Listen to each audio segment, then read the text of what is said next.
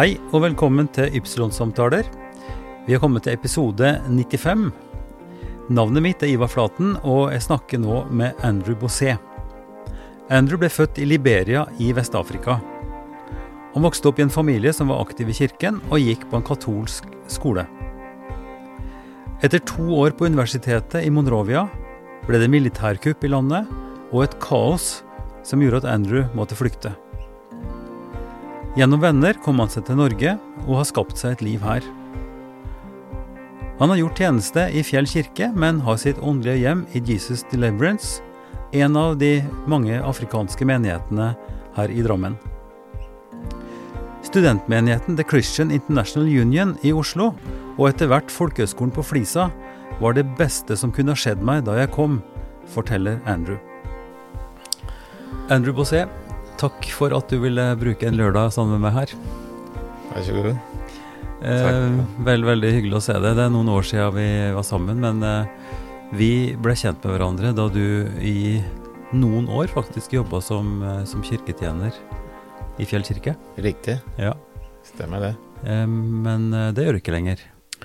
Jeg jobber nå i et forsikringsselskap som eh, heter Fremtid. Mhm. Eh, Så vidt jeg forstår, så er det et selskap, eh, datterselskap av eh, Sparebank1 Ja, nettopp. og, og DNB som kom sammen for å Ja. ha en datterselskap som Mm. driver med forsikring. Eh, Sist, eh, sist vi snakka sammen, så var det Posten, men der hadde det skjedd mye forandringer og sånn, så det ble Ja. vanskelig etter hvert. Veldig mye skjedde i Posten, Mm. og modernisering som mm, det heter. Mm. Og rasjonalisering. Mm. Og da er det mange postfolk som eh, måtte finne på noe annet å gjøre. Mm. Så det, det gjelder altså å kutte ned leveringsdager, leveringstid. Mm. Postkontoret som ble nedlagt fordi eh, de fant ut at det var ikke behov for å ha så mange postkontorer. Mm. Eh, du kan sikkert huske der Posten var eh, for kanskje 20 år siden. det var postkontoret i hver Det var noe helt annet. Det var helt Det noe annet. det var annet noe helt overalt. Ja. Mm. Altså, Jeg kjenner godt til Posten, skjønner du, fordi at uh, kona mi sin familie mm, var postfolk. Yeah. Uh, Svigerfar han uh, sykla med posten rundt yeah. omkring i Oppdal. Mm, Postbud og først, da, og etter hvert med bil, naturligvis. Yeah. Og sorterte post. Og to av svigerinnene mine Yeah. Jeg jobba i Posten. Mm. Så det er, en, det er en ærefull eh, og stor jobb. Altså Posten var jo en del av de store altså de store nasjonale selskapene. Sant? Det var Posten, det var Televerket, det var NSB. Altså disse store strukturselskapene som nå Ja. ikke fins lenger. Mm, mm. Det, det stemmer. Det er helt riktig. Jeg husker den gangen jeg jobba i Posten, at, eh, at man hadde stor respekt for postmannen postmann og Posten og sånt. Og du måtte til postkontoret postkontoret få bekrefte pass og Ja, attestere ja. ting. Ja, ja. Eh, Poststempelet var veldig viktig den gangen. Ja, altså ja, det var, som sagt, det var noe helt annet. Det var Postbanken, og det var Ja, postkontoret, ja, og det var ja, eh, Ikke sant, du sto i kø der eh, for å komme i luka, og ja, i det hele tatt, det var en annen verden. Og nå er det Post i butikk, og det ja. Altså, en kan mene forskjellig, men jeg syns jo at, at det også er, det er jo veldig effektivt, da. Mm, mm. jo at det er mange fordeler med det òg. Tilgjengeligheten når det gjelder akkurat pakker og, ja. og brev og sånt, som det nesten da ikke fins lenger. Altså brev går jo nå elektronisk. Det Ja, det, går, ja, ja, det var hele Det var hele argumenter ikke sant, fordi, for rasjonalisering. Fordi eh, der kom uh, internett, der Mm. kom uh, sosiale medier, der kom eh, Ja, hele de funksjonene Posten Mm. hadde. At ja. de mente at det var ikke behov for eh, å ha mennesker som kan gjøre det. Så, Eh, Andrew, jeg har en eh, venn, så når jeg så i kalenderen min, så tenkte jeg feil. Er det Andrew Wingate i England? Nei, det er ikke Andrew Wingate, det er Andrew Mosé. så eh, Andrew, det er jo et engelskklingende navn, et engelsk navn. Men Bosé er ikke akkurat så engelsk. Nei. Og når vi hører deg snakke, så er ikke det helt aksentfritt. Så Nei. fortell oss om bakgrunnen din, eh, Andrew. Ja, jeg kom uh, født og oppvokst i Liberia. Jeg kom fra Liberia. Mm. Jeg er liberianer. Mm. Eh, jeg har blitt eh, norsk statsborger etter hvert. Mm.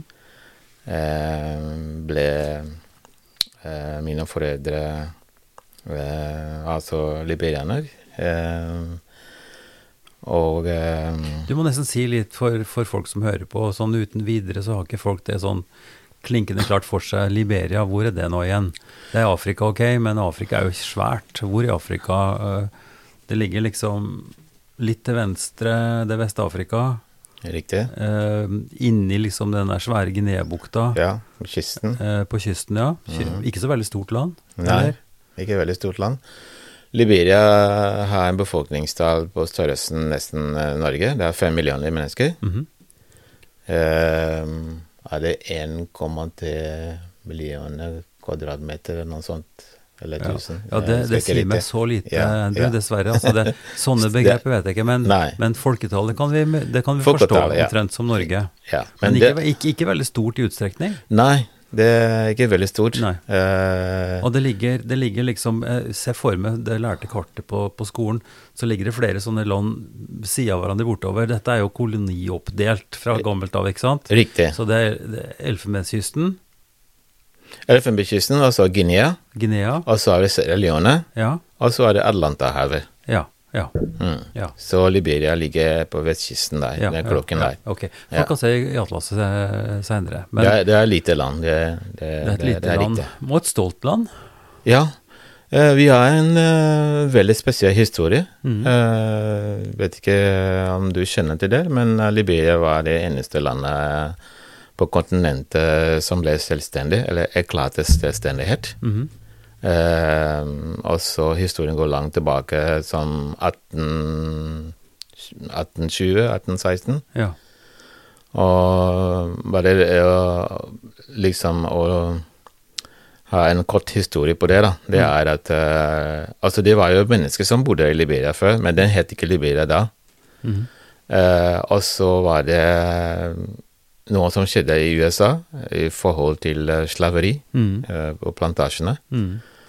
Og der uh, mennesker fant ut at, uh, at det var ikke noe behov for å ha folk på plantasjer, plantasjene, Mhm. og bomulls, eh, bomullsplantasjene Mhm. og andre plantasjer som var der. Mhm. Så eh, afrikanere som, som ble fraktet dit som slaver, Mhm. som jobbe på disse plantasjer, fikk da frihet. Mhm.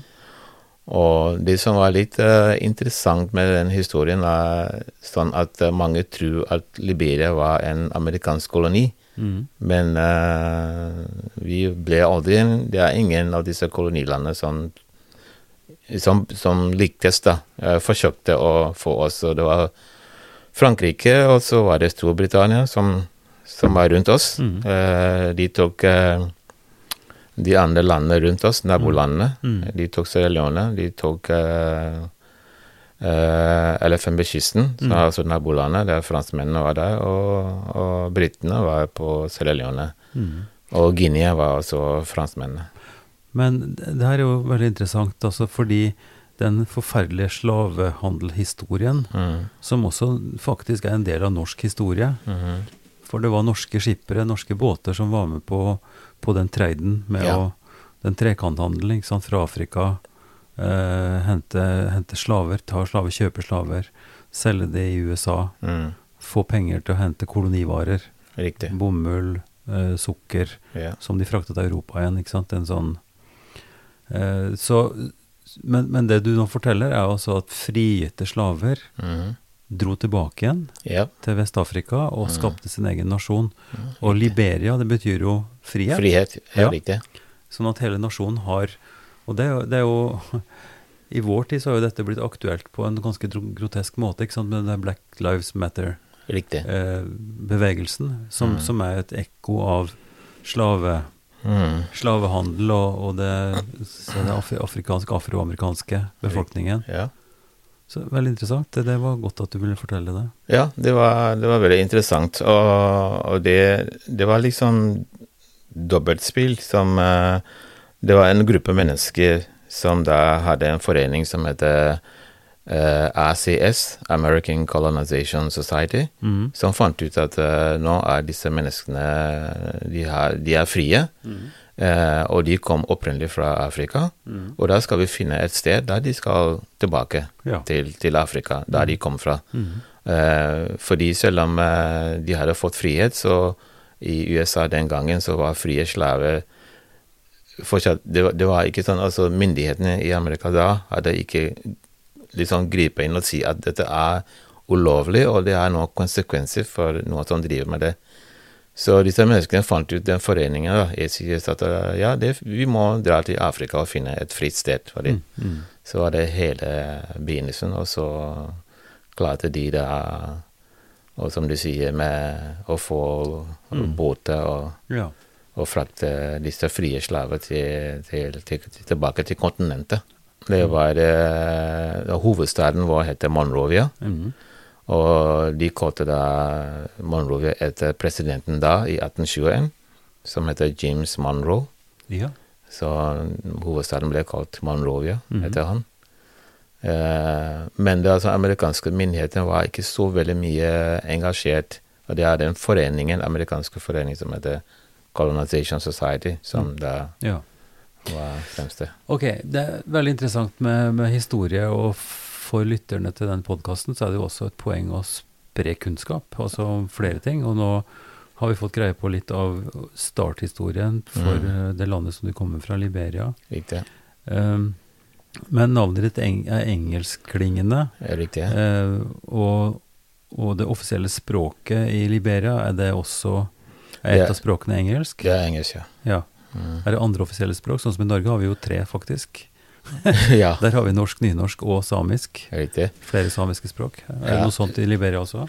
Liberia offisielt språket er engelsk. Mm. Eh, og så har vi, eh, vet ikke hva jeg skal kalle det, en stemmespråk. Mm.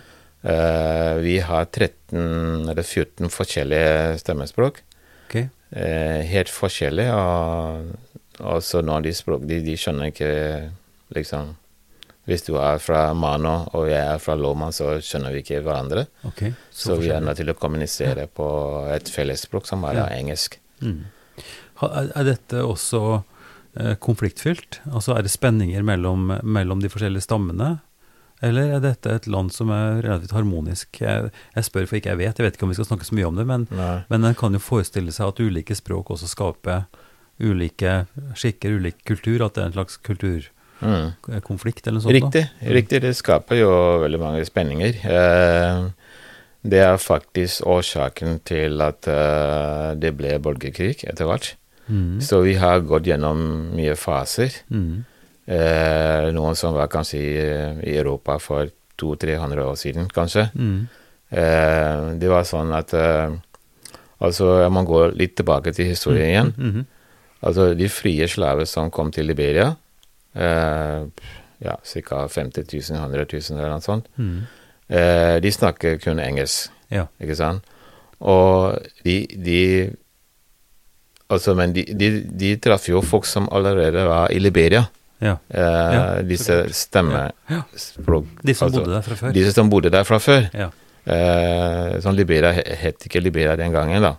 Men de bodde i hva sitt eh, eh, Det heter clan på Ja, engelsk, ja, ja. ikke Klan- sånn? klaner. Ja, klaner. Mm. Familiegrupper, på en måte. Storfamilier, på en måte. Riktig. De hadde en eh, hovning som var eh, eh, Hvis jeg kan ta eksempel, for eksempel, de sier at hovningen her i Drammen det er byen hans, han er sjef, altså han, han har ansvar for sitt folk her. Ja. Og så går de til Ordføreren. Ja, ordføreren. Ja, og så i Oslo er det en annen. Ja, ja. Så det var, det var, det var sånn situasjonen var i Liberia da, Mm. før de frie slaverne kom. ja. Og så disse to, eh, selv om vi er alle du, du merker ikke forskjellen mellom en uh, frie amerikansk slave eller en liberianer, innfødte liberianer. Eh, så var det et konflikt eh, mellom de to. Mhm. Eh, det ble også Det ble også krig mellom de to. Fordi de som kom fra Amerika, mente at de var bedre vitner, Mhm. og de skulle, de skulle eh, ha ansvar for å styre. Mm. Og det ble en konflikt av det. Mm. Men etter hvert så ble denne konflikten løst på et eller annet vis. Mm. Men etter mange år altså var det også en konflikt mellom eh, Ja. stemmespråkgrupper de innførte, Mm. da. Mhm. Så, så det har vært mange sånne konflikter Ja. som uh, førte til uh, borgerkrigen vi hadde i nesten 12-14 år. Ja. Mm. For at folk skal forstå at ok, Vi er enere sammen. De som kommer, de var jo her før. Mm. Og deres forfedre ble tatt som slaver til Amerika, og nå er de tilbake. Mm. Vi bør ta imot. Mm. Vi, skal, vi skal ønske deg velkommen. Mm. Vi skal ikke drive og slåss og Mm. kjempe mot hverandre, Mm. fordi vi er samme folk. Ja. Så, Dette er jo Det er jo noen nærliggende sammenligninger her. En kunne jo tenke seg at eh, selv om det er veldig forskjellig altså det sånn som da jødene etter eh, eh, andre verdenskrig Mm. begynte å flytte tilbake til Palestina, hvor det bodde palestinere, Mm. som har vært en konflikt og er en konflikt, Mm. med mye flyktninger og mye styr. Men Mm. sånn hadde ikke vært hos dere. Ikke flyktningleirer, ikke stor motstand. Nei, nei, det, det er ikke det. det. Vi har ikke hatt sånn flytting. Men eh, nå må vi slutte med historiefortellingen, tror jeg. Dette Ja. var en interessant bakgrunn, og det er interessant det- også fordi Jeg Ja. syns det er interessant også fordi at det illustrerer jo at, at her Altså, vi snakker jo i denne podkasten ofte om kulturmøter og, og, Ja. og spenninger og integrering osv. ja. Men, men den prosessen var jo også i høy grad det som måtte skje i Liberia. ja. Altså hvordan de nyankomne Riktig. skulle komme og, Ja. og finne sin plass i, Mm. i, i samfunnet og skape en stat sammen. Riktig. Ja. Den konflikten måtte skje på et eller annet vis for at vi skal komme oss videre. Ja. Ja. Mm. Eh, men eh, da har jeg lyst til at du skal si enda litt mer om din oppvekst. Mm. Eh, du er født inn i en familie. Sitt om familien din og hvordan det var å være eh, gutt i Bodde du i Monrovia, eller bodde du et annet sted? Nei, vi bodde en annen sted. Ja. Vi bodde så mye det amerikanske påvirkning vi har. ja. Vi bodde i et by som heter Firestone. Firestone? Ja. Aha. Altså, det, Firestone, det, det klinger med Du skjønner hva jeg mener? Ja. Ikke sant? Det er gummifabrikk og alt ja, sånt. ja. ja. Og da, da, da bodde vi ehm, da, da bodde jeg med mor Mhm. og besteforeldre. Mhm. Og bestefaren min jobba da i Firestone. Mhm. Firestone var en gummiplantasje. ja. Det var, Jeg vet ikke om jeg for, fortsatt det, men det var da den største gummiplantasjen i verden. Så det er rett og slett eksport av, av gummi. naturgummi Naturgummi, til ja, eh, ja. bil, bildekk osv. Ja, vi bodde i den byen, og etter hvert sånn uh, Moren min prøvde da å finne jobb i et um, Det var et tiss, uh, et tiss uh, selskap. Et tysk selskap? Ja. Ja. Og der, da var det der, hadde hun gått på sånn hjelpepleierskole mm. og ble utdannet hjelpepleier. Mm. Og fant jobb dit. Og så flytta vi da fra besteforeldre eh, dit, eh, i et by som heter da Kakata. Mm Mm. Og da bodde jeg med mor og far og mine brødre og søster. Mhm. Eh, og vi da gikk på skole, sånn helt eh, normalt og vanlig overvekst. Mm. Faren min jobber som elektriker, Mhm. og moren min eh, jobber som eh, hjelpepleier Mm. på, på det sykehuset. Hvor stor var den byen? Den byen eh, hadde, du kan si, uh, ca. Ja, er 20 000 Ja, mennesker. akkurat, ja. Ja. Mm. Ikke noe veldig stor by. Nei. Så, uh, er det der familien din fortsatt uh, har sine røtter, eller bor? eh, de har Nei, de, nå har de flyttet fra, fra, fra Kakata. Mhm. Eh, moren min eh, bor akkurat nå Jeg mistet faren min. Moren min bor eh, i Monrovia, i hovedstaden, Ja. fordi hun har blitt eh, litt skråpelig. mm. og trenger litt hjelp og Ja, sånne ja, ting. Så flytter til Ja. Jeg bor hos søstera mi. Mm. Mm. Eh, vi snakka litt om, om dette på forhånd, Andrew, og da sa du noe om skolegangen din. Ja. Eh, altså, du er født inn i en, en Luthersk- luthersk familie. Og det høres jo litt spesielt ut. Altså, Mm. Luthersk familie er, det, det er jo langt fra Tyskland og Martin Luther til, Ja. til, til Monrovia eller til Liberia. ja. Eh, men det så har med misjon å gjøre, Ja. åpenbart. Ja. Si litt om det. Ja eh, vi gikk på lutherske kirke. Mm. Eh, eh, moren min er veldig sterk og trofast eh, luthersk eh, dame. Mm. Sang i koret og var veldig engasjert i, i kirkearbeid. Mm. Og det påvirker oss altså, mm. fordi uh, søndagen var det Da var det ja, spise frokost og kle deg pent og Ja. skål, og, og det var klar for kirke. Ja. Så det var ikke noen du, St stor forsamling? Stor mange mennesker? Eller? Stor, stor forsamling. Ikke som i Fjell kirke med 20-30 stykker? Nei, jeg snakka over 100 mennesker. Ja. Så da var det gudstjeneste i Den lutherske kirke. Lang, lang gudstjeneste? Lang seremoni? Lang gudstjeneste. Lang gudstjeneste. Fordi uh, det var Ja, altså, jeg tror misjonærene som kom til, til Liberia og, og startet lutherske kirker, måtte tilpasse seg Ja. lokale Så klart. Så klart ja. Fordi her i Den norske kirke da er det så mye eh, å klappe og trommeslag og, og instrumenter og, Mm, og den type ting. Mm. Og ja, skape liv og glede ja, på en måte. ja.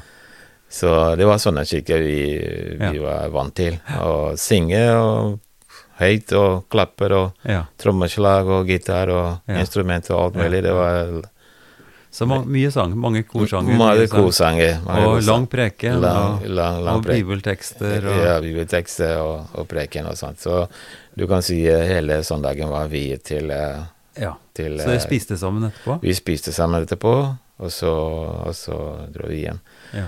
Så um, etterpå ble jeg og mine søsken sendt til en katolsk skole, Mm. fordi det var, det var Altså de katolske, eller misjonærskolen, var mer disiplin Okay. og hadde bedre, noen bedre lærere mm. enn det offentlige skolen. Mhm. offentlige skolen skulle man gå eh, Ja. Eh, hva skal jeg si? Det, ble, det, var bedre forhold i det, i det, i det, katolske skolene, misjonærskolene. Mm. Ikke bare katol, katol, katolikkene som hadde skole, det var også lutherske. De hadde skole, de hadde sykehus og klinikk Ja. og forskjellige prosjekter. Mm. Og misjonærer som dro med folk i busken og Ja. Mm. Så, så da var det. Så jeg Ja. Jeg, det sitter fortsatt i hodet mitt et, etter mange år i katolske skole. Ja, ja. Sitter det helt mer full of grace, the law is with thee, blessed are thou amongst women, blessed is the fruit of thy womb, Jesus. Så de, de tingene sitter der. Det, fordi det er noe du måtte si hver eneste morgen. ja. Du kom altså på en morgenbønn, rett og slett. Morgenbønn. Ja. Så, så, det, så det, det er noe som ja, så det, har, du har, det er Ave Maria, det ene. Ave Hail, Maria. Hail thee, Mary. Ja, Ja. det er Hail Mary, full of grace. Yeah. The Lord is with thee. Yeah. Blessed are thou amongst women. Yeah. Blessed is the fruit of thy womb, Jesus. Ja. yeah. Nettopp. Det, det er altså Mm. det som heter Ave Maria. eller- Ave Maria. Ja, ja. Mm. Så, så når du har sagt den der eh, tusen ganger, ja, så sitter det i hodet ditt. det gjør det. ja. Mm. Også litt strengt, kanskje. Altså strenge lærere og mye disiplin. Strenge lærere. Og Og du lærte mye, Ja. Så du fikk en god grunnutdanning der. eh, Jeg fikk en veldig god grunnutdanning, Mm. og det var sånn at uh, Altså uh, Det ble sånn måling at prosentvis, da, at de som avgangsstudenter, de som gikk fra high school, som Mm. tilsvarer videregående her, da, Mm. fra de, katolske, de misjon, misjonærskolene, katolske skoler og lutherske skoler, Mm. de høy, det var høy sannsynlighet at de kom inn på universitetet. Mm. Fordi det var en, um, en uh, vet ikke hva det heter på norsk. Du måtte ta en eksamen, en Ja. prøve, Ja. for å komme inn i Ja. universitetet. En opptaksprøve, rett og slett. Opptak, opptaksprøve, riktig. Mm. Så det var ikke bare å bli ferdig med high school og gå inn på universitetet. Nei. Du måtte ta opptaksprøve. Du måtte komme inn, rett og slett. Ja, Mm. du måtte komme inn. Så og prosentvis så var det veldig høye tall med, med de som kom fra misjonærskole, Mm. enn de som kom fra det offentlige. Og du gikk den veien? Ja, jeg gikk den veien. Ja. Så jeg ble ferdig med, med videregående, high school. Mm. Og jeg gikk på, på college, Mm. og var i college i to år. Mm. Og da begynte urolighetene i Liberia, og alt ble stengt. Ja. Mm. Fortell om det. Nei, altså, det er eh, Hvilket år snakker vi om da, Andrew? eh, Vi snakka om eh, 88-89. Ja. Ja, da begynte urolighetene. Da hadde vi en militærkupp. Mhm. Eh, presidenten, de styrte presidenten, og da militæret tok over.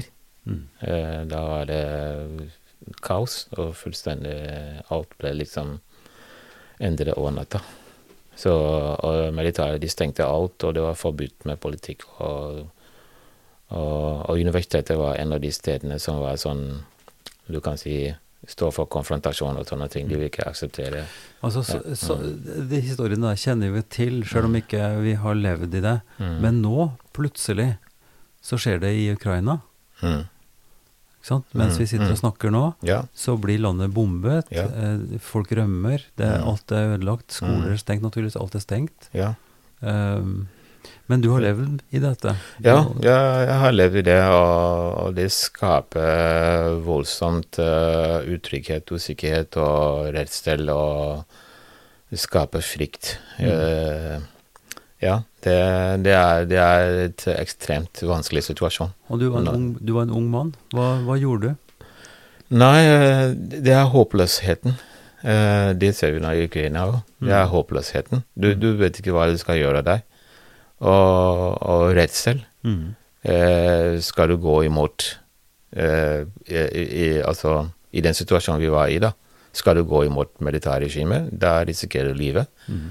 Eller skal du flykte? Mm. Eller skal du liksom Det blir vanskelig. Alt stopper opp. Mm. Ikke noe jobb, ikke noe skole. Nei. Frustrasjonen brer seg. Hva skal du gjøre da? Ja. Jeg håper på at ting skal bli bedre, men det blir ikke bedre. Og da er det sånn Bare prøve å komme seg ut. Ja, og det Mm. måtte du gjøre. Ja, det måtte jeg gjøre. Ja. Så Vil du, vil du si noe om det? Vil du fortelle om den reisen du måtte inn i da? Jo, eh, jeg, må, jeg måtte til nabolandet, eh, Sierra Leone, Mm. fordi alt var stengt, og det var ingen Akkurat lik tilstand i Ukraina nå. Mm. Mm, Kanskje Ukraina det er litt eh, Fordi da er det ikke mulighet til å komme ut. Flyplassen var bomba, det var stengt. Ingen fly kommer inn, ingen fly ut.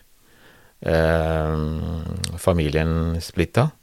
Og moren min måtte gå, moren og de andre familien min måtte gå i De visste ikke faktisk hvor jeg var, men eh, til slutt så fikk de en beskjed gjennom andre at jo, Andrew har gått til Sierra Leone, nabolandet, Mm. og han er trygg der. Det går bra. Mm. Og da måtte jeg eh, jobbe med eh, liksom reisepapir, og, og det var kaos. Mm. Og moren min og resten av familien måtte gå til fots i flere uker for å komme over grenser. Hvor kom de hen da? De kom til Guinea. Ja. Mm.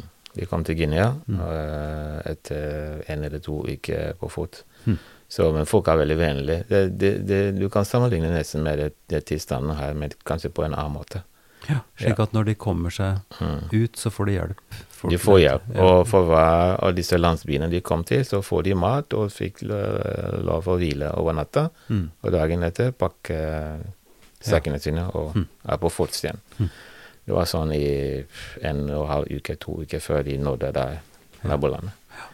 Så uh, mens jeg var i Sierra Leone og hadde da kontakt med folk her i Norge, Mm. og noen familiemedlemmer i USA og sånt der. Så jeg prøvde å komme meg ut. Men heldigvis så hadde jeg eh, Jeg kjente en familie, en norsk familie i Liberia, da, Jaha. eh, som hadde reist ut da, da urolighetene begynte. Altså en norsk familie. En norsk familie som hadde bodd i, i Liberia i 12-13 år. Ja. Så du, du hadde allerede kontakter i jeg, hadde, Norge? jeg hadde kontakter, Ja. ja. Så Han var, da, han var eh, direktør for eh, sementfabrikken. mm. Og var sånn konsul, norsk konsul. Ja, Mm, akkurat. Mm. Sønnen hans hadde jeg kontakt med. Ja. Mm. Så det, det ble til at du, du ville dra til Norge da, eller? Ja, jeg ville dra til Norge, eller bare komme meg ut hvor som helst. Ja. Så, men eh, da jeg hørte det var mulighet for Norge, så, så jobba jeg mot det og sendte dokumenter, papir. Og, Mhm. og det var ikke så enkelt heller, fordi, fordi eh, altså det er eh, et sett med regler og forskrifter og sånne ting man må følge. Det tror jeg de fleste har hørt om. Ja. For nå har vi hatt en flyktningkrise gjennom Ja, ja. svært mange år, og, og de grensene for å komme inn i, i EU-området og Schengen-området Mm. er jo svært, svært vanskelige. Ja. Det er nesten bare kvoteflyktninger ja. som kommer nå. Mm. Men du var ikke i den kategorien da? Nei, jeg måtte Nei, jeg Det var skepsis, faktisk, som eh, jeg skulle om en sånn flyktning, eller student. Altså, vi måtte veie hva er det som funker best, og det var da student. Og, og der sendte jeg eh, mine, mine papirer og dokumenter jeg hadde med meg i sånn liten koffert, mm. og, og brev og ja, karakterer fra universiteter og sånt. Og, mm og fikk da mulighet til å Og de, de, har, de var uh, Andersen-familien, som det heter. De hadde da jobba mot at, at jeg skulle komme hit som student. Uh, Komme på besøk, det var ikke mulig. Eh, fordi det var noen retningslinjer og sånt. Mhm. Men til slutt så, så fikk de eh, fikk det gjennom, da. Å komme hit som student. Mhm. Det, det hadde gått, fordi de, jeg kunne bevise at, uh, at jeg var ferdig med, med high school, videregående. Mm. Og jeg hadde faktisk uh, to års eh, Ja. collegeutdannelse. Så det var utgangspunkt for å starte å studere her. da. Så de jobber mot det som var best for meg. Ja. Mm. Så det betyr at du altså fra en eh, krigs- eller kuppsituasjon Mm. kom deg via nabolandet og Ja. norsk eh, kontakt og Ja. til Norge. Ja, riktig. Og hvilket år var, er vi kommet til da? Begynnelsen av 90-tallet? Ja, jeg kom i 1990, Ja. Mm. ja.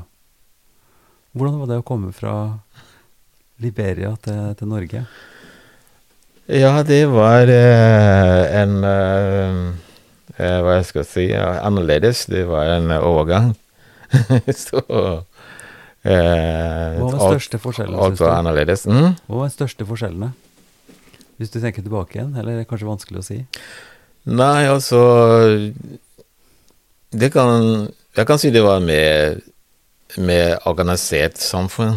Og mer systematisk samfunn i forhold til at jeg kan si at du kan sammenligne meg litt og komme fra en litt kaotisk, Mhm. kaotisk eh, situasjon til et uh, rolig og liksom velfungerende system. Mm. Og, og husker jeg ble tatt imot uh, på flyplassen av uh, de som kom og hentet meg. Og jeg satt i bilen og så gjennom vinduer og sånn, ikke sant. så registrerer jeg at uh, nå er jeg i Norge, jeg er i et, et, et annet land. Mm. Eh, Hvil, ja. Hvilken årstid var det? Eh, 1990? Nei, jeg tenker på hvilken årstid. Når Ja, det var vinter eller sommer? Det var vinter. Og det er også en stor Det var forskjell, vinter, ja, oktober. Ja, Så, ja, høst. så, så, først, så snø for første gang. Ja, Ja, så det var på slutten av oktober og begynnelsen av november. ja, Ja. akkurat. Det var ikke så mye snø, men det var litt kaldt. Mm. Så det merker jeg, men, eh, men eh, Og det skjønte jeg jo, de som kom for å hente meg, de tok med seg en frakt. De måtte kle på dere. så, for de skjønte at, eh, at han, han, han kommer til å få seg en overraskelse. så det kom med en kåpe, og så Andrew sa med en gang så, ja, ja, det må du ha på deg. Ja, ja, ja, Du kom fra Liberia, da er det 40 varmegrader. ja. Men du klarte det? Ja, jeg klarte klarte det. det. Så, ja, så, så var det livet her i Norge, og, og kom i Oslo. Og så ble jeg medlem av en kristent samfunn i Oslo. Eh, begynte å gå på språklære, Mm. eh, som heter ja, Norsk for fremmedspråklige elever. Mm. Og da fikk jeg kontakt med, med en som eh, spurte meg du, du, ja, de- eh, Faktisk sønnen til eh, Andersen, da. At du kan gå på sånn Christian International Christian Union. Mhm. Da treffer du folk fra hele verden. Mhm. Ja, det var kinesere, amerikanere, svensker, dansker, nordmenn, ja, Christian afrikanere. International Union? Ja. Mm. Mm. Og de hadde faktisk eh, på Blindern, på universitetet. Ja. Så, så da var det sånn bønnegruppe da en gang i uka. Mhm. Mm. Og da, da meldte jeg meg inn og, og ble kjent med veldig mange, mange internasjonale samfunn. Ja, ja. Ja. Og det var veldig, veldig flott uh, at jeg ble med der, fordi jeg ble da litt liksom kjent med folk og Ja. aktiviteter og forskjellig. ja. Og det var jeg glad for. Mm. Mm. Jeg, jeg har fortsatt kontakt med noen av de. Mhm. Mm. Og, og det var folk som også hadde foreldre som har vært misjonærer, norske misjonærer i Øst-Afrika. Eh, Jeg husker en som heter Trond. Uh, var på sånn, foreldre var misjonær i eh, Zimbabwe. -hmm. Og så var det en som var misjonær i Sør-Afrika. Mhm. Og, og de fortalte om det. De, og ja, vi har vært i Afrika, den delen av Afrika. Mm -hmm. Far min var eh, misjonær og sånn og sånn. Mhm. Så det var interessant. Ja. Mm. Så det skapte et miljø for deg, og du fikk, eh, du fikk venner og, Ja. og ble, ble kjent litt med, Ja. Med forholdene i dette kalde vinterlandet. Ja, riktig. Det var en veldig god velkomst. eh, ja. Så det, så det betyr at et kristent fellesskap har betydd mye for din fordi både din trivsel og din integrering i- i, i, Norge? Veldig mye. Veldig mye. Det vil jeg, det vil jeg anbefale til eh, ja, hvem som helst Ja. som kom til Norge. Det er en kjempegod måte Og alt som har med Ja, fordi altså, de er jo nordmenn, eh, danske, svenske, amerikanere. Altså du, du får inn så input fra, fra mange forskjellige hold. Mm. Og disse vil bare være bare din beste. Ja. Og mm, han faktisk han, Nei, det var P, en som heter P, P. Inga. Uh, jeg tror far hans jobber i Indre Misjon, et eller annet sånt. Okay. Så jeg gikk på et sted som Rosenhoff. Der var det sånn eh, norsk for fremmedspråklige. Mm. Så sa til meg Andrew, det, du kan, det kommer til å ta lang tid for å lære norsk, men vet du hva? Jeg kan, hvis du har lyst, så kan du bli med meg neste lørdag. Da kjører vi til folkehøyskole, der jeg gikk for ti år siden eller noe sånt. Jeg vet, det var en mann sånn i midten av 20-åra. Jeg sa ja, men hvorfor ikke? Så han sa ja, det er en, eh, det er en folkehøyskole, en virkelig folkehøyskole. Bjerkeli, ja. Ja, Ja, ja. den er, den er så, ja, riktig. Ja. Den er eh, drevet av misjonær. Jeg Mm. husker ikke riktig om det Det, er, er- det er en av de, de eh, kristelige folkehøyskolene i Norge. Riktig? Ja. Ja. Mm. Så vi dro dit og så oss rundt, og ja, hva syns du, Andrew? Jeg sa nei, men det ser fint her, men har du lyst til å gå her eh? Jeg kan snakke med rektoren. ok. Ja, du kan være her i, i halvt år, så jeg tror du kommer til å Men jeg ble, jeg, jeg ble der faktisk i ett år istedenfor halvt år. Så bra. Ja, så da, du kan få bo her på internett. Ja. Eh, Du blir en av de eldste eh, elevene, men det, det går fint, Mm. fordi det er Og, det, for, det, og det, det mente jeg var veldig viktig, faktisk, for meg. Eh, ekstremt viktig. Fordi jeg lærte så mye, også det med, med dialekt og Ja. folk fra Bergen og Trondheim og Og for, er fordelen med folkehøyskole og et internatmiljø er at den er jo sammen hele døgnet. Ja, Ikke sant? Og du, det er ikke bare skoletida, så kommer du alene hjem, men du, du er sammen med aktiviteter. riktig. Og, og, og sånn at du blir på en måte bada i norsk hele tida. Helt, helt klart. Ja. Og det, er derfor jeg sier det er, det er, det er Det vil jeg anbefale. Mm. Det er en ekstrem De snakker om integrasjon, integrasjon, men Mm. det, det er den beste integrasjonen også i Norge. Det er ganske interessant, fordi jeg, jeg har jo Jeg begynner å bli en eldre herre, så jeg har gjort mye forskjellig. Men jeg jobba også en periode i, i, på folkehøyskolekontoret. Mm. Og da var jeg faktisk eh, ansvarlig for noe som het Minnefondet. Og Minnefondet var et offentlig fond hvor folk eh, ifra altså hele, hele verden kunne søke Ja. stipend Ja. for å gå på folkehøyskole. ja. Og, og hvert år så, så hadde vi altså utrolig mange søknader, og, og det kom alltid jeg, vet ikke hvor, jeg husker ikke hvor mange nå i året, men det var faktisk et, et, et ganske bra antall eh, my, mange- mye afrikanske studenter Mm. som kom og da gjorde sånn som du gjorde. ja. Så, så det er jo interessant, men det betyr at du ser tilbake på det som en veldig viktig del av din liksom, måte å komme inn i det norske på. Ja, absolutt. Mm. Absolutt. Det, det, det gjør jeg også. Mm. Jeg hadde nytte av det, og, og det preger meg de årene ut, utover. Mm. Fordi eh, jeg hadde så mange Jeg hadde veldig stort nettverk. Mm. Eh, Men eh, Så- altså, nå har vi vi, kan- vi kan ikke gå så detaljert til verks, det har vært veldig spennende å høre. Men eh, vi har jo hatt en nå i, i en periode, og, og noe som har vært lenge, men altså hele rasismeproblematikken, og, mm. og vi var inne på det med Black Lives Matter. Mm. Hva slags, eh, hva slags minner og hva slags følelser har du når, du når du hører det? Er det noe som du kan relatere til? Altså at du har følt deg eh, ja, utsatt for den Mm. type blikk eller, eller Mm. kommentarer, eller si, litt om det. Mm. Ja. Jo da, eh, rasismen er jo, er jo der. Eh, fordommer er, er, er, er her i, i Norge, og sikkert mange andre land òg.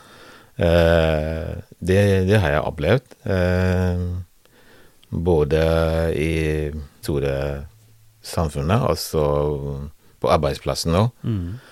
Så uh, altså min, som, som jeg sa, at min måte å håndtere det på, det er uh, rett og slett å prøve å heve meg over det.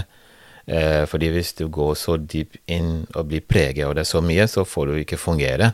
Mm. Uh, men det er ikke alle nordmenn som er rasister. Det, det hadde vært helt umulig. Heldigvis. Så, så, Så, og du får jo folk som og snakker med deg, akkurat som du spør meg. Det er noen som har spurt meg om jeg opplever det. Jeg har opplevd det. Jo, det, det, har, jeg, det har jeg opplevd. At eh, folk eh, har eh, noen sarkastiske, sarkastiske eh, kommentarer. Eh, sånn appelyder og sier at og du kommer fra jungelen og masse sånn forskjellig, da. Mm. Men jeg, jeg føler at det er folk som er uviten, og som er som er, eh, som er ikke eksponert til den store verden, og, og prøver ikke å, å liksom la meg eh, eh, påvirke det så i en negativ måte, da. På en, i en negativ måte. Men, det, men det, det er jo Det må jo være forferdelig tøft og ubehagelig, eh, sånn som en har blitt gjort oppmerksom på også. Eh, både folk som har blitt adoptert til Norge, folk som har en annen hudfarge, Mm. eh, som, som nokså systematisk blir utsatt for eh, små og store ting, da. Mm.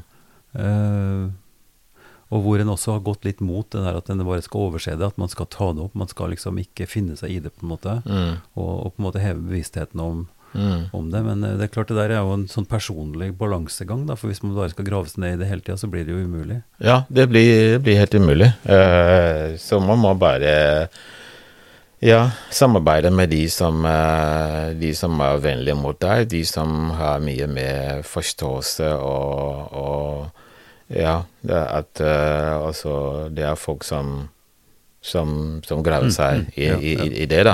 Ja. og det skal fungere. Eh, Tida går forferdelig fort her, så vi går mot slutten i samtalen. Men, eh, men jeg har lyst til at vi skal snakke litt grann om den, eh, skal vi si, den kristne tilhørigheten eh, her i Drammen. Mm. Fordi eh, som vi sa til å begynne med, så var du jo eh, i noen år kirketjener Ja. eh, i, i Fjell kirke, når du bodde her i nærheten. ja. Eh, men nå har du tilhørighet til en afrikansk menighet. Riktig. Eh, si, si litt om det. altså En menighet som er også, eller ikke ekumenisk, men, men fra mange forskjellige land. Og, Ja. og si litt om den menigheten. Ja, den menigheten heter Jesus uh, Deliverance. Det er eh, stort sett eh, afrikaner Mhm. fra uh, forskjellige deler av kontinentet. Mm. Eh, vi har folk fra øst, fra vest og fra sør og, som er med. Eh, da møtes vi eh, eh, Nå har vi fått et sted eh, i uh, Strømskosset menighet, et lokal der. Mm. Eh, da har vi gudstjeneste eh, på søndager, en gang i uke søndager. Mm. Og så er det en gang i uke har vi en sånn um, uh, uh, bedemøte via Messenger. Ja, et Ja, bønnemøte. Et barnemøte via Ja. Messenger. Men også søndag er det, da har vi, gudstjeneste klokka Ja. ett. Mhm. Og, og det er jo mer eller mindre lik det som du kan sammenligne med Norske kirke. Vi har musikk, vi leser bibelvers, vi har preken, Mm. og, og ja. Mm. Og Og, det- det, og det interessante der er at eh, det kommer jo folk fra hele det afrikanske kontinentet. Det betyr at man må velge språk. Eh, eh, Ja, da har vi bestemt at altså den største gruppen, da, som er swahili Fordi eh, jeg vet ikke hvor mye du kjenner til eh, den østdelen av Afrika. Afrika. Og da er swa- swahili en veldig utbredt språk. Ja, ja. Det, er, det, er, det er en av de største Ja. språkgrupper Mm. som eh, snakkes eh, på kontinentet. Eh, Veldig utbredt. Mm. Eh, Det er Kenya, Tanzania, Zambia, hele øst, eh, langt ned i Mm. Zimbabwe. Og Og den andre da blir eh, engelsk. det blir engelsk, ja. Ja. Så da preken eh, på de to språkene, det er eh, engelsk, og det er swahili. Ja. Så folk snakker swahili, det blir oversatt eh, til engelsk. Og, og de som snakker engelsk, eller preker i engelsk, så blir det oversatt til swahili. Mm. Så, så ja. Så hva vil du si eh, den gruppa betyr for deg og for de andre som, som går der? Er dette et sosialt fellesskap også, eller er det bare, er det bare gudstjenesten som holder dere sammen? Eh, Det er begge deler. Eh, Det er den sosiale tilhørigheten, og det er altså den, eh, den gudstjenestedelen, da, Mm. som vi identifiserer med. Mm. Så den sosiale delen er altså, altså viktig, fordi eh, periodevis en gang i måneden, eller vi har en sånn samling utover gudstjenesten, Mm.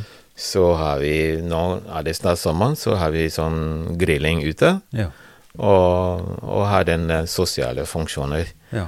Og, og altså hele kontinentet er det sånn Det er, det er noe som er veldig felles, Mm. ikke sant? Ja. Så, Men Andrew, ja. det er et spørsmål her som, som jeg syns er interessant, som vi kan kanskje reflektere litt rundt helt til slutt. Mm. Eh, Og det er jo sammenhengen mellom det, det egne behovet for å, å være sammen med folk som en, eh, er nærstående, nå snakker vi om den afrikanske identiteten, Ja. eh, fellesskapet der, i forhold til det norske. Mm. For noen vil jo si at ja, men hvorfor skal dere holde dere for dere sjøl? Hvorfor skal dere ha en, en egen menighet? Hvorfor skal ikke dere være i altså en norsk menighet? ja. Ikke sant? Ja, hva, hva, svarer, hva svarer du til det? For dette gjelder jo ikke bare kristne, det gjelder jo også eh, ulike Mm. skal vi si, muslimske grupperinger, som er også ofte nasjonale eller eh, regionale, eh, og holder seg litt for seg sjøl. Ja. hva, hva vil du si til et sånt, eh, til et sånt argument? Nei, eh, jeg syns ikke Hva jeg skal si jeg, jeg støtter den, den holdningen. Jeg støtter den, den der at uh, Fordi tilhørighet til altså identitet og, og folkegruppe og den type ting, eh, føler jeg at er naturlig. Mm. Det har jeg merket også fra den norske sida. Mm. Ikke sant? Jeg kommer ned i kantina, Mm. og jeg ser at det er nordmenn samlet på et bord. Mm. Og jeg går på et bord der det sitter noen med indisk bakgrunn, Mm. afrikansk bakgrunn eller vietnamesisk bakgrunn og sånt. Mm. Ikke sant? Fordi, fordi altså Det er noe med mennesket, tenker jeg. Det er eh, fordi du, du, du hører Dessuten er det sånn at eh, det er altså noe med at det man er oppvokst med Mm. Du er vokst med å gå i en kirke der, der folk klapper og synger og Ja. spiller trommer. Ja. Fra din barndom her, du er voksen, du er vant til det, og du syns det er fint og greit. Ja. Eh, det er ikke det at det er negativt i Den norske kirke, det er ikke det. Det er atskillig kjedeligere. Men det, men det, det er litt kaldere. ja. og, og, og jeg syns ikke det er noe galt med det. Eh, men, men vil du velge mellom de to ja. Eh, Eller kanskje ikke noe om valg, men det du er den Altså, hva skal jeg si, convenient. Mm. Eh, da ville du velge den sida som du føler er mer Mer Bekvem. behagelig eller bekvem eller bekvem. naturlig. Ja, ikke sant? At, eh, at du, kan, du kan slippe deg løs Ja. eh, litt grann, uten Mm. at uh, det norske er jo mer formelle og ja. Hva skjer hvis en, hvis en type som meg da kommer til, til menigheten deres? Mm. Nei, det Er det, er det slik at det kommer, altså kommer det nye inn, eller kommer det nordmenn inn, eller folk som ikke har den afrikanske bakgrunnen? Det kommer nordmenn men de er ikke, de er ikke faste. De Nei. kommer inn gjerne at de er blitt invitert, Ja. Mm. eller de er sammen med, med samboer eller noen som Ja, kommer ja, dit. ja. Ja. Mm. Uh, Flemming har vi også invitert, ikke sant? Så, så de uh, Ja. Han som er utleieansvarlig i Ja, ja, ja, ikke sant? Mm. Så, så de, de syns det er flott, og det er fint. Mm. Så, men for min del, eh, svaret på det spørsmålet, så syns jeg det er helt ok. Ja. Altså, jeg, jeg syns òg det. Altså, vi må forstå den der dobbeltheten. Og, og Ja. det beste eksempelet er jo sjømannskirkene ja. rundt omkring i, i verden. Ja, Hvor, eh, hvor nordmenn søker til eh, fellesskapet fordi at det er norsk der, det er brunost der. ja riktig. Det er kjente kunne snakke norsk osv. Ja. At det har stor betydning. Samtidig som det også så klart må være, og er veldig vesentlig, at en møtes og er sammen, og, og kan også, noen ganger da i hvert fall, Ja. eh, ha et fellesskap som går på tvers av disse her, eh, eh, skal vi si, veldig sterke, skal vi si, kulturelle ja. eh, Det er, det er kulturelle delen òg. Ja, ja. Ja, det er noe. Andrew, det har vært en fornøyelse å ha deg her. Veldig hyggelig å snakke med deg. Ja. Takk for at du fortalte både om historie om, eh, og også dette om faktisk det, det likhetspunktene over det som vi nå tragisk nok opplever i, i Ukraina. Ja. Altså det å måtte reise fra sitt kjære land Mm, mm, og familie og sånn fordi at alt raser sammen. mm. Yes. Så vi får håpe at eh, vi får håpe at det snart blir fred. Ja, vi får håpe det. Det blir slutt på det. Vi hørte det var noen fredssamtaler, men uh, håper at uh, det kommer noe ut Ja. av det. At det blir slutt på, på det. Så Andrew Mossé, takk for samtalen. Tusen takk, Ivar Flaten. Takk for det. Open this gate. Nordmenn tror på Gud, Tear down Allah, this wall. alt og ingenting.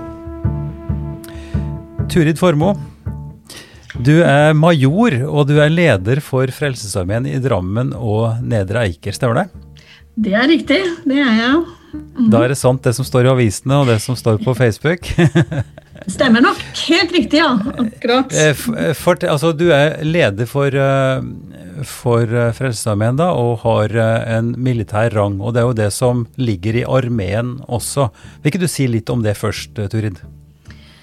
Jo, det er jo fordi at vi er, vi er bygd opp litt militært. Da, både språket vårt og måten vi er på.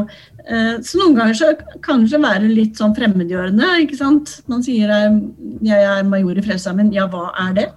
Ja, Det er det samme som prest. ikke sant? Prest er så lett å forstå.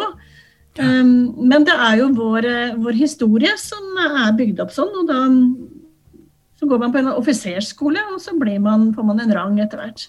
Ja. Og så har vi Og- medie. Mm. Mm. Si, si litt om eh, hva som er grunnen. Altså, jeg har jo lest såpass og vet jo litt om dette. William Booth eh, som en første leder. og hva, hva tenker du var grunnen til at han tenkte at dette skal organiseres og ha et språk eh, fra det militære?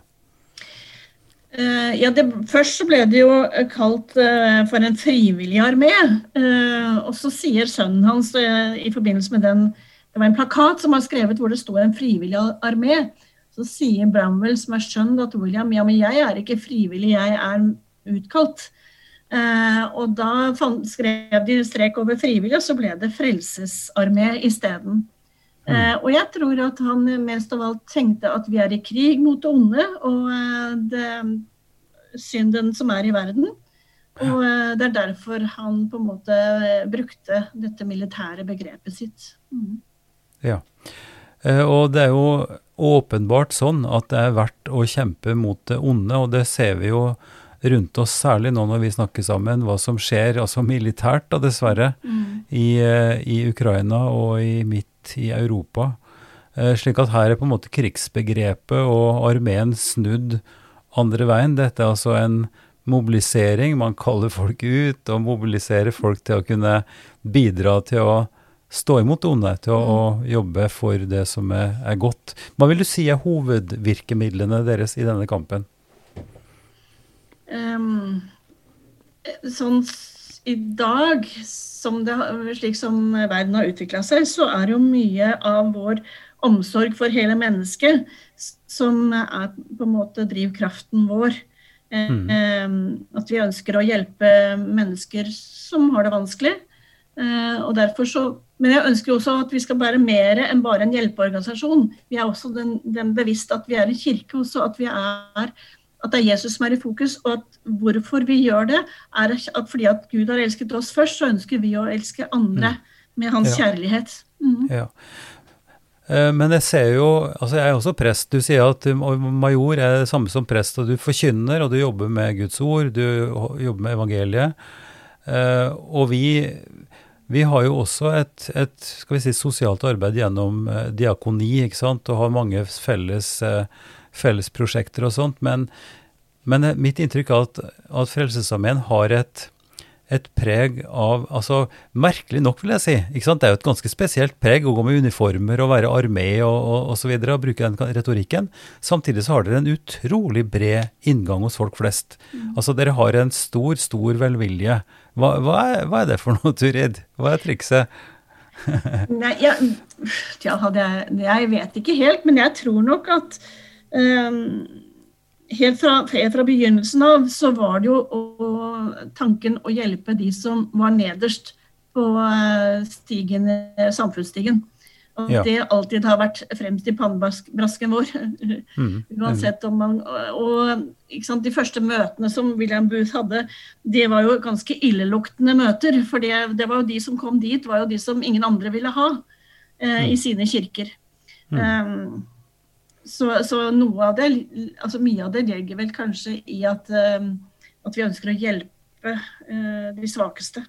mm. Um, Jeg har jo merka meg med dette eh, eller mottoet, på en måte, Uh, soup, soap, salvation. Suppe, såpe og frelse, da. For det blir jo litt utakt med rimet på norsk. Men det stemmer, ikke sant? En har dette sosiale sterke, hjelper folk helt på, på gulvet der det virkelig trengs, på alle må måter.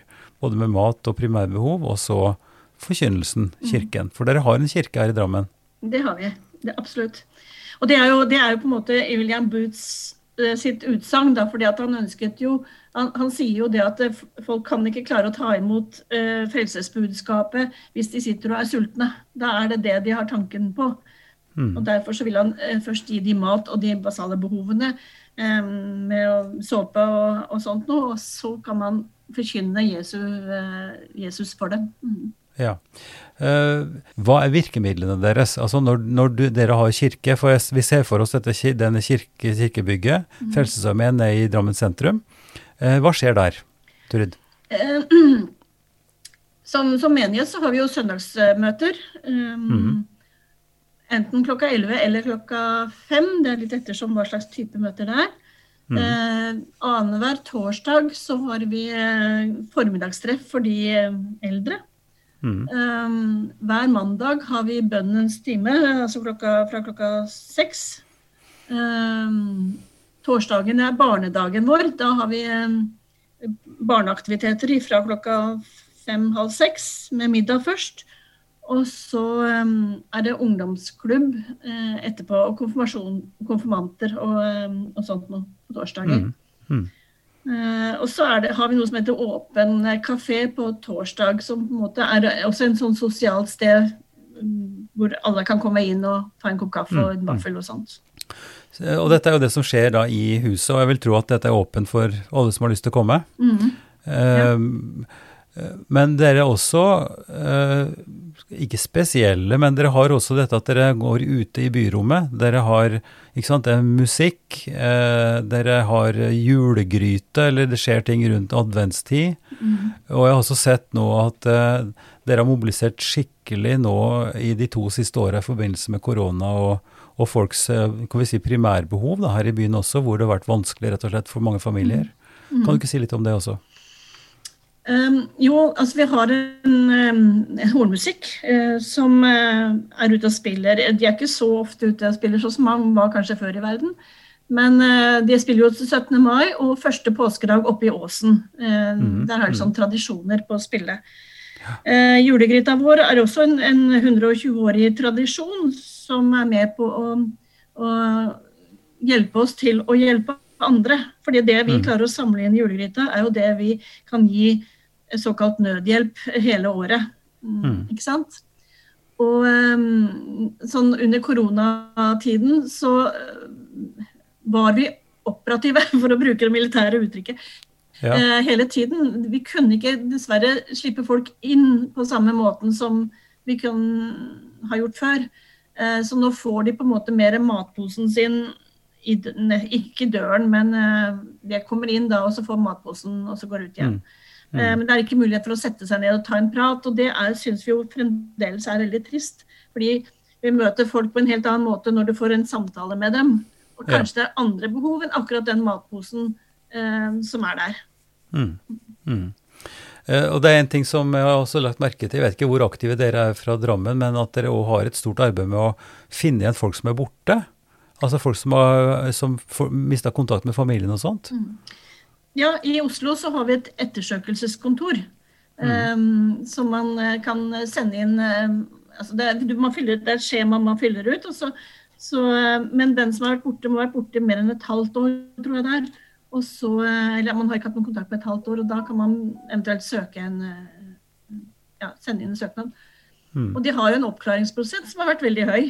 og Ja, ja. altså, det var jo klart, nå er jo på internetter og alt mulig sånt, nå er det mye lettere tilgang enn det det var før. Mm. så nå kan jo mange finne, finne den som er borte. Mm. Mm. Ja. Men fordelen med Eh. oss, og, og, fordi vi eksisterer i så mange land, så har vi Ja. samarbeidet, eh, ikke sant? Hvor det er mulig å finne andre. Mm. Eh, I og med at vi er i den situasjonen vi er nå, så er det også fristende å spørre hva slags eh, operasjoner har dere i Ukraina og i Russland? Eh, Frelsesarmeen er jo allerede etablert i Ukraina og i Russland. Mm. I Ukraina så er jo hjelpearbeidet i, i gang. Vi er også i Moldova og altså landa rundt der, så har vi våre egne kontorer og er ute i, i Mm, markedet der. Ja. Mm. Ja. Så hjelpearbeidet ble i gang med en gang. Altså, ja. ja. Internasjonalt arbeid, dere er internasjonale, er på plass i ulike Og bare ønske dere lykke til med alt det. Men til, slutt, eh, kanskje noe av det som er grunnen til at vi har denne vesle spalten da, i, i podkasten, det er jo eh, tilknytninga til vårt lokale dialogforum, altså Drammen om tro- livssynsforum. Eh, hva tenker du er grunnen til at dere ønsker også å være med på et eh, interreligiøst eh, dialogarbeid? Jeg tenker at, jeg, at, det er viktig å lære om og av hverandre. Eh, og jo bedre du kjenner et menneske, jo lettere er det å forstå hvorfor de er der de er, eller hva de tenker, hvorfor de tenker sånn og sånn. Mm. Um, og, og, så jeg tenker at det, det å, å, å, lære om hverandre er en viktig måte å skape relasjoner og gode relasjoner på. Mm. Eh, helt til slutt, eh, hvis folk er nysgjerrige nå når de har hørt eh, den samtalen vår, hvordan kan de komme mer i kontakt med dere og få mer informasjon om Frelsesarmeen og arbeidet deres? Ja, vi holder til oppe i Tornegata 2, da. Mm -hmm. og stort sett så er vi på kontoret fra klokka ti til halv fire hver dag. Ellers så er det disse offentlige møteplassene som man kan komme til. Og matutdelingen er annenhver uke. Det er det bare å komme og eh, ja, Så sier man behovet, og så får man med seg en matpose eller to. Mm. Dere har jo nett, nettsider også, hvis man ja. ikke kommer sånn fysisk? Mm. Ja, vi finnes på Facebook uh, også. Både for ja. Drammen og for Nedre Eiker. Og I Nedre Eiker er det også matutdeling, og der har de også noe som heter Etter skoletid. Uh, som er barneaktiviteter. Um, mandager og onsdager. Mm. Ja. Turid Formoe, major, takk for samtalen og lykke til med arbeidet videre. Eh, takk skal du ha. Hvis du har lyst til å høre flere samtaler, så kan du slå opp på www.ypsilonsamtaler.no. Der er det en oversikt med små filmer, litt tekst og altså den times lange samtalen. Ypsilon-samtaler er støtta av eh, Drammen kommune gjennom IMDi-midler. Vi er også støtta av Barne- og familiedepartementet og Einar Juels legat.